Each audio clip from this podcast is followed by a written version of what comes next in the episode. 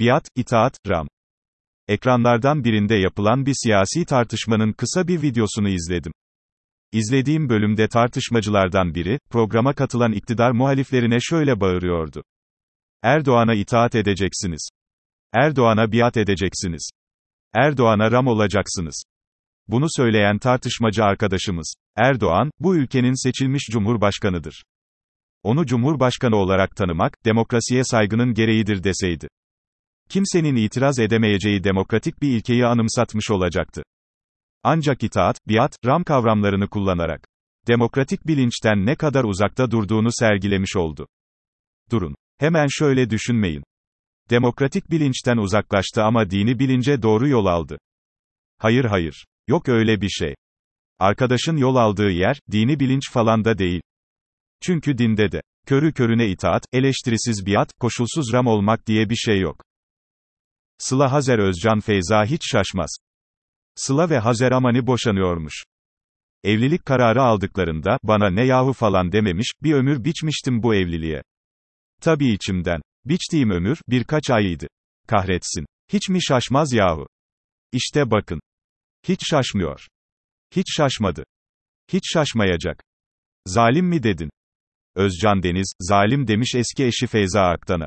Zalim denilince benim aklıma Malkoçoğlu filmlerinde Bizans tekfurlarını canlandıran Yeşilçam'ın kötü adamları gelir. Feyza'nın fotoğraflarına baktığımda ise Cüneyt Arkın'ın atıyla dört nal ağ kurtarmaya gittiği masum Bizans prensesleri geliyor. Son günlerde hayatıma renk katan şeyler. Telefonumun zil sesini Chopin'den bir melodiyle değiştirdim. Teşekkürler Hakan Bayrakçı. Dolma kalemlerime turuncu renkli mürekkep buldum. Teşekkürler Karandaşı. Akşamları ağır akan ve İngiliz kırsalında geçen polisiyelerle vakit geçiriyorum. Teşekkürler Hinterland. Psikolog temalı dizilerden fersah fersah uzak durmaktayım. Teşekkürler sağduyum. Durup dururken, sen Abdülhamid'i savundun diye fısıldayıp gülüyorum. Teşekkürler Doğu Perinçek. Sağa sola kartpostal yollama kampanyası başlatmış durumdayım. Teşekkürler dükkanında kartpostal satan kırtasiyecim. Ali Babacan'ın geziye yaklaşımı. Bugünlerde Ali Babacan'ın aniden, gezici olmasına bakmayın siz. Gezi zamanı AK Partili bir bakan iken, Ali Babacan'ın verdiği demeç, aynen şöyleydi. İletişim kanallarının sürekli açık olması, beklentilerin, arzuların, isteklerin, endişelerin, korkuların açıkça ifade edilebilmesi son derece önemli. Ama bunun medeni yollarla, barışçıl yollarla yapılması bir başka önemli konu. O çizgiyi geçip eğer iş şiddete geliyorsa, eğer karşıdakine zarar vermeye dayanıyorsa, Molotov kokteylleriyle, demir bilyelerle araçları, otobüsleri yakıp yıkmayla bazı mesajlar verilmeye çalışılıyorsa, kimse kusura bakmasın, bu bizim gelecekte görmek istediğimiz bir gençlik davranışı değil. Bir tadilat yazısı. Dünkü yazımda, Kemal Kılıçdaroğlu'nun, Alaaddin Çakıcı'ya cevap olarak, Çakalların bulunduğu yerde kimse bize bir şey söyleyemez dediğini aktarmış.